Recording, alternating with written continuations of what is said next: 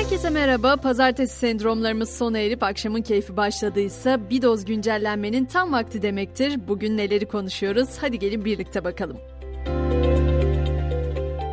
Biliyorsunuz biz özellikle yaz aylarında Türkiye ekonomisinin nabzını Bodrum'daki lahmacun fiyatlarıyla tutuyoruz. O yüzden ekonomiyi konuşmaya biraz 2023 yaz sezonunda Bodrum mekanlarındaki son durumdan bahsederek başlayayım istedim.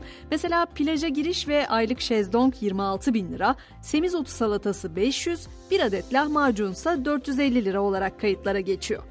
Peki TÜİK'in açıkladığı veriler ne diyor? TÜİK'e göre işsizlik Nisan ayında 0,1 puan artarak %10,2 seviyesinde gerçekleşti. İşsiz sayısı da bir önceki aya göre 74 bin kişi artarak 4 milyon 585 bin kişi oldu. Altın tarafında da rekor serisi bugün de sürdü. Gram altın 1500 liraya dayandı. Gram altın 1490 lira seviyesinden işlem görürken çeyrek altın 2450 lira, Cumhuriyet altını da 9900 liradan satılıyor.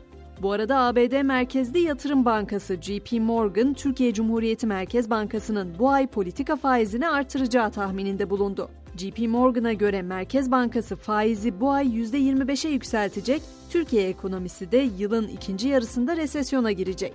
Gelelim Ticaret Bakanlığı'nın otomotiv sektörüne kestiği cezalara. 6 ay ve 6 bin kilometre satış kısıtlamasını ihlal eden yetkili bayi ve otogalerilere toplam 35 milyon 110 bin 527 lira idari ceza uygulandığı açıklandı. Otomotiv bayilerine stokçuluk nedeniyle toplam 8 milyon 292 bin 360 lira tutarında idari para cezası kesildi.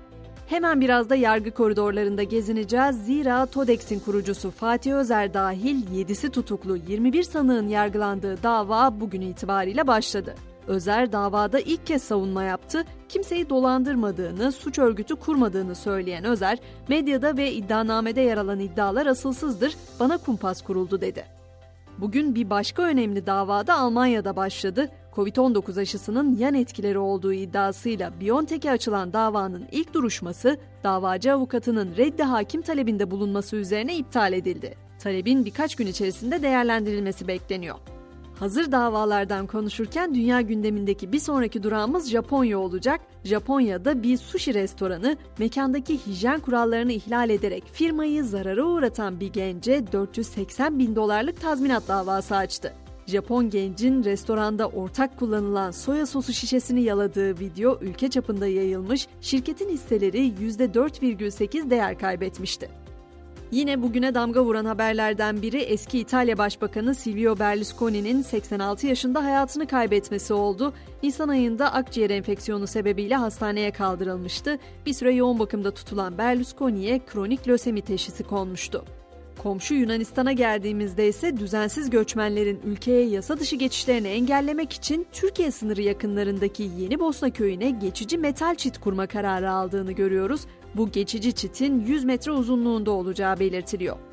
ABD ise 2017 yılında eski başkan Donald Trump döneminde ayrıldığı UNESCO'ya yeniden katılmak için başvuruda bulundu. ABD'nin UNESCO'ya teklifinin detayları henüz net değil ama Washington'ın önceki aidatlarının gecikmesi nedeniyle organizasyona borçlu olduğu ve yeniden üyelik için ödeme yapmak amacıyla Biden yönetimince 150 milyon dolar ayrıldığı ifade ediliyor. Spor dünyasından önce son haberimse oldukça dikkat çeken bir haber. Siz 14 yaşındayken ne yapıyordunuz bilmiyorum ama çok büyük olasılıkla üniversiteden mezuniyet beklemiyordunuz. İşte SpaceX IQ seviyesi dünya nüfusunun %99,9'undan daha yüksek olduğu iddia edilen 14 yaşındaki mühendis Kyron Kwasi'yi işe aldı. Bu ay Kaliforniya'daki Santa Clara Üniversitesi'nden mezun olacak 14 yaşındaki genç Starlink bölümünde çalışacak. Artık spor diyelim Süper Lig'den Avrupa'ya gidecek takımlar belirlendi. Lig şampiyonu Galatasaray Şampiyonlar Ligi'nde, Fenerbahçe, Beşiktaş ve Adana Demirspor ise Konferans Ligi'nde Türkiye'yi temsil edecek. Sezonu Türkiye Kupası ile bitiren Fenerbahçe transfere de çok hızlı başladı. Sarı lacivertli ekip Brian Kent'i kadrosuna kattığını açıkladı. 26 yaşındaki futbolcuyla 4 yıllık anlaşma sağlandı. Ve biz de böylece güncellenin sonuna geldik. Bu akşam üst üste 6 kez dünyanın en mutlu ülkesi seçilen Finlandiya'da yaşayan Frank Martella'nın hayatın gerçek anlamını 5 kelimeyle açıkladığı o cümleye yer vererek noktalamak istiyorum. Film felsefeci kendinizi başkaları için anlamlı kılın diyor. Ben de gündemle ilgili tüm bilgileri benden aldığınızı düşünerek anlamlı bir şey yapmaya çalıştığım inancıyla yarın sabah yeniden görüşmek üzere. Şimdilik hoşçakalın diyorum.